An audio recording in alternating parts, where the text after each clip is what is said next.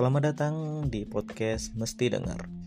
Di sini kalian akan mendapatkan sesuatu yang mesti kalian dengar untuk menjadi pribadi yang lebih baik, lebih sukses, dan tentunya lebih bermanfaat bagi orang lain.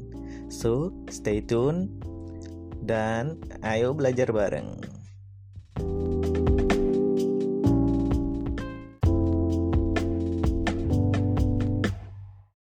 Yuk, halo kalian semua. Bersama saya lagi Profesor Wai dan oke, okay, saya sudah vakum beberapa ya nggak nggak sampai dua bulan juga, cuman beberapa minggu aja untuk mencari ide konten dan kemudian setelah itu sebuah ide tiba-tiba meletus.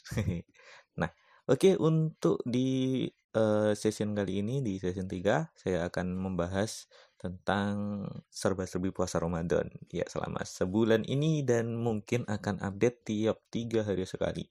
Biasanya kalau tiap seminggu sekali sekarang tiga hari sekali. Jadi mungkin konten untuk uh, puasa Ramadan di konten khusus bulan Ramadan ini akan ada uh, 10 episode. Ya dan hari ini adalah hari kedua dari puasa Ramadan hari di mana podcast ini direkam. Nah oke okay, di sini apa yang akan kita bahas ya Pertama-tama saya mengucapkan selamat menunaikan ibadah puasa bagi kalian yang menunaikannya dan bagi kalian yang tidak menunaikannya, baik itu muslim maupun non-muslim, ya uh, tolong dihargain orang yang berpuasa ini. Sebenarnya kami nggak nggak menuntut macam-macam untuk dihargain aja, nggak nggak menuntut macam-macam untuk dihargain seperti kayak menuntut warung-warung untuk tutup atau apa pun. Tapi sepertinya untuk di situasi seperti ini pemerintah juga ikut uh, menolak warung-warung untuk buka. Bukan sebenarnya bukan dikarenakan oleh uh, bulan puasa juga, tetapi karena ada pandemi ini dan oke. Okay, ya, untuk kali ini saya menganggap pandemi ini sedikit membawa berkah juga. Dan juga bagi kalian orang-orang muslim yang menunaikan ibadah puasa, mungkin uh, saya sarankan juga bahwa kalian harus memanfaatkan momen-momen bulan puasa ini untuk merefleksikan diri uh, merefleksikan diri kalian dan berubah menjadi lebih baik daripada tahun-tahun kemarin ya, ya pas lah sama lah kayak mungkin momen-momen tahun baru gitu ya. Kebanyakan orang itu kayak membuat momen tahun baru itu momen-momen sakral yang di situ kita membuat resolusi untuk setahun ke depan bagaimana dan juga untuk apa namanya itu target-target setahun ke depan bagaimana itu tahun baru. Tetapi saya di sini lebih prefer lebih suka uh, untuk membuat bulan Ramadan ini sebagai uh, resolusi dari tahun setelahnya. Jadi bukan waktu tahun baru. Nah, ini ada alasannya tersendiri juga sebenarnya sih. Daripada saya melakukan resolusi di tahun baru, lebih baik saya melakukan resolusi di bulan Ramadan. Kenapa? Yang pertama, resolusi di bulan Ramadan itu didasari dengan semangat spiritual. Kalau kalian di situ mungkin mempelajari sejarahnya juga di bulan Ramadan itu uh, ada semangat-semangat spiritual, semangat keagamaan dari agama yang saya anut. Nah, maka biasanya semangat-semangat yang didasari dengan spiritual ini, agama-agama spiritual seperti ini, itu yang long lasting, maksudnya bertahan lama gitu loh. Gak seperti mungkin kalau tahun baru, kalau dari sejarahnya sendiri itu merupakan tahun kelahiran dari Nabi Isa alaihissalam kan. Tetapi mungkin banyak dari kalian yang di situ tidak bisa bukan tidak bisa sih sebenarnya sebenarnya uh, kurang bisa meneladani dari kisah-kisah Nabi Isa yang di situ tabah meskipun Nabi Isa juga merupakan seorang ulul azmi tetapi jarang ada yang di situ mengekspos ceritanya Nabi Isa kan Nah, tapi yang paling banyak diekspos apalagi bagi umat Islam ini adalah ceritanya Nabi kita, Nabi Muhammad SAW. Sehingga mungkin bulan Ramadan ini mengandung semangat spiritual dari Nabi Muhammad. Dan biasanya seseorang yang di situ apa namanya itu mem, mempunyai semangat spiritual itu bisa mengubah dunia. Contohnya, ya Nabi kita sendiri Nabi Muhammad SAW di situ me, menyebarkan Islam dengan semangat spiritualnya. Uh, sebentar, sebentar. Kita akan membicarakan dulu spiritual itu apa sih? Kalau dalam bahasa Indonesia, spiritual itu artinya adalah berhubungan dengan jiwa atau roh. Dan jiwa atau roh apalagi jiwa atau roh ini. Jiwa itu adalah sesuatu yang di situ membuat manusia itu berharga. Kayak gini contohnya. Kenapa kok membunuh orang itu kok dihukum berat? Karena orang itu memiliki jiwa dan jiwa itu membuat orang itu menjadi berharga. Nah, sedangkan membunuh babi itu gak gak dihukum berat.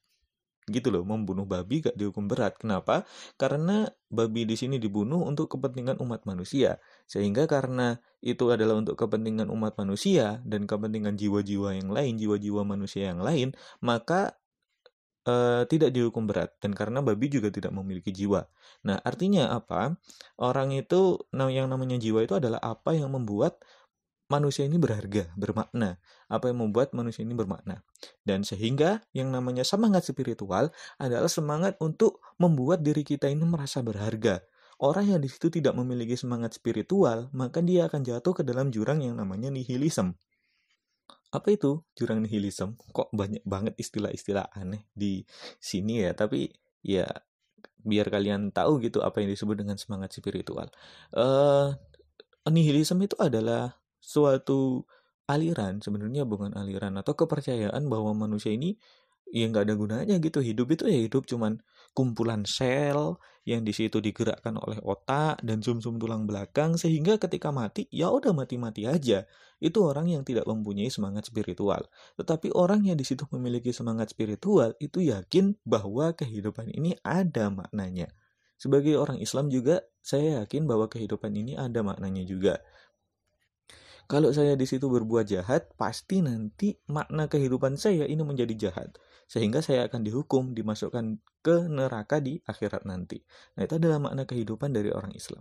Orang yang memiliki semangat spiritual di dalam kehidupannya itu cenderung dan mungkin saja bisa berbuat baik.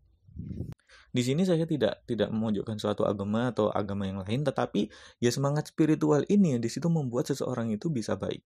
Karena dia bisa menghargai bahwa manusia itu bermakna. Tidak seperti orang nihilisme tadi yang tidak memiliki harapan. Tapi kita bisa menghargai bahwa manusia ini benar-benar memiliki makna.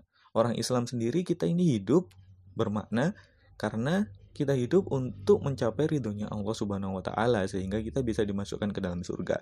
Itu adalah makna kehidupan. Sedangkan orang Kristen di situ memiliki makna kehidupan yang lain. Orang Buddha, orang Hindu, orang Konghucu, orang dan sebagainya lah itu memiliki makna kehidupan yang lain.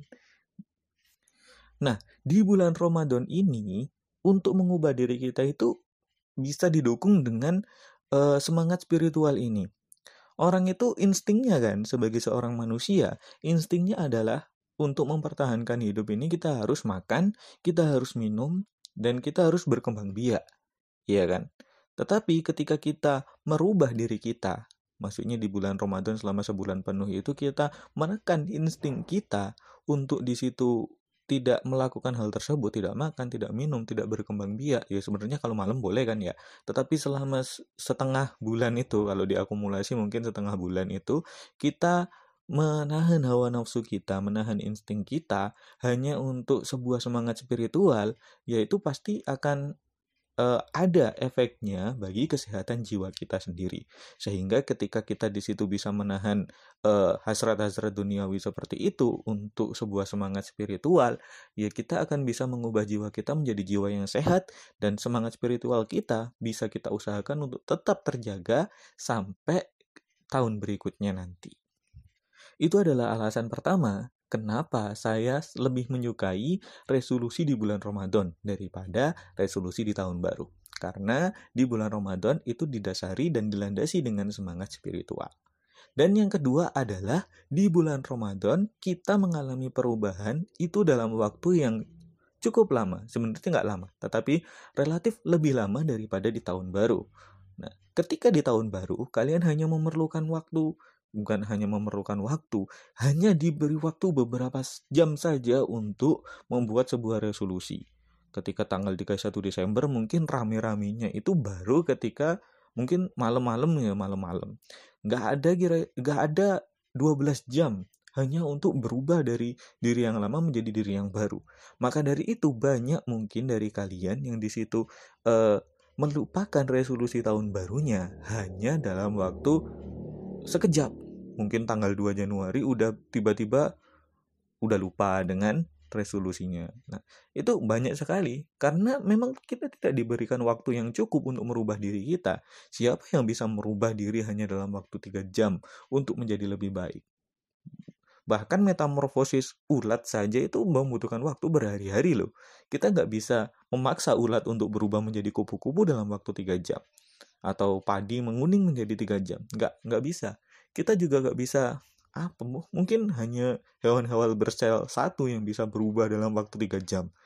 Nah, tetapi kita sebagai manusia yang di situ kompleks, kita memiliki fisik yang yang cukup bagus juga, kita memiliki pikiran dan kita memiliki jiwa, itu tidak bisa diubah dalam waktu 3 jam tersendiri. Nah, dalam bulan Ramadan kita diberi waktu 30 hari untuk merefleksikan diri kita. Merubah diri kita menjadi lebih baik. Dan itu menurut saya lebih fair dan lebih masuk akal untuk merubah diri kita, apalagi didasari dengan semangat spiritualitas tadi. Nah, intinya adalah di bulan Ramadan kita diberikan waktu yang lebih banyak daripada saat resolusi di tahun baru. Dan yang ketiga adalah kalau dari saya sendiri, pendapat saya sendiri bahwa suasana di bulan Ramadan ini sedikit lebih kondusif daripada suasana di tahun baru. Suasana di bulan Ramadan ini benar-benar e, menurut saya sendiri itu bisa mentransformasikan perubahan itu e, lebih maksimal Kenapa ya? Karena tadi kita di situ yang awalnya itu hanya menuruti insting untuk makan, minum dan juga berhubungan badan, kita di sini bisa ditahan dan juga bisa uh, suasana itu mendukung ya. Ada banyak yang di situ juga sama seperti kita, sehingga kita itu tidak merasa malu dalam untuk berubah. Nah, itu adalah tiga hal yang di situ memotivasi saya untuk menjadikan bulan Ramadan ini sebagai resolusi uh, untuk menjadi lebih baik di masa mendatang. Di sini saya tidak mendiskreditkan kalian yang di situ mungkin uh, membuat tahun baru ini sebagai eh, momen-momen uh, untuk membuat resolusi di tahun yang akan datang. Tetapi karena saya juga mengeluarkan sedikit pendapat saya bahwa ternyata sepertinya adalah uh, lebih baik untuk menjadikan Ramadan ini sebagai titik refleksi diri kita selama 30 hari itu untuk menentukan ke mana arah hidup kita di uh, tahun setelahnya ini. So, bagi kalian yang di situ sudah sadar dan mungkin uh, menyadari karena terinspirasi oleh kata-kata saya tadi tentang mengapa uh, betapa mulianya bulan Ramadan ini, betapa sakralnya bulan Ramadan ini bagi umat Islam, kalian mungkin bisa menentukan berbagai macam resolusi di bulan Ramadan ini yang, yang mungkin akan bisa mentransformasikan dan merubah diri kalian menjadi lebih baik lagi. Mungkin cuman seperti itu saja yang mau saya omongkan di sini dan jangan lupa tunggu saja episode selanjutnya di podcast masih didengar ini yang bisa kalian dengerin di Spotify, Google Podcast dan lain sebagainya. Dan uh, tunggu tiga hari lagi untuk konten selanjutnya. Jangan lupa kalian harus follow di Spotify ataupun uh, kalau di Google Podcast saya nggak tahu apa namanya. Tetap tetap stay tune dan terima kasih kalian semua sudah mendengarkan. Sampai jumpa.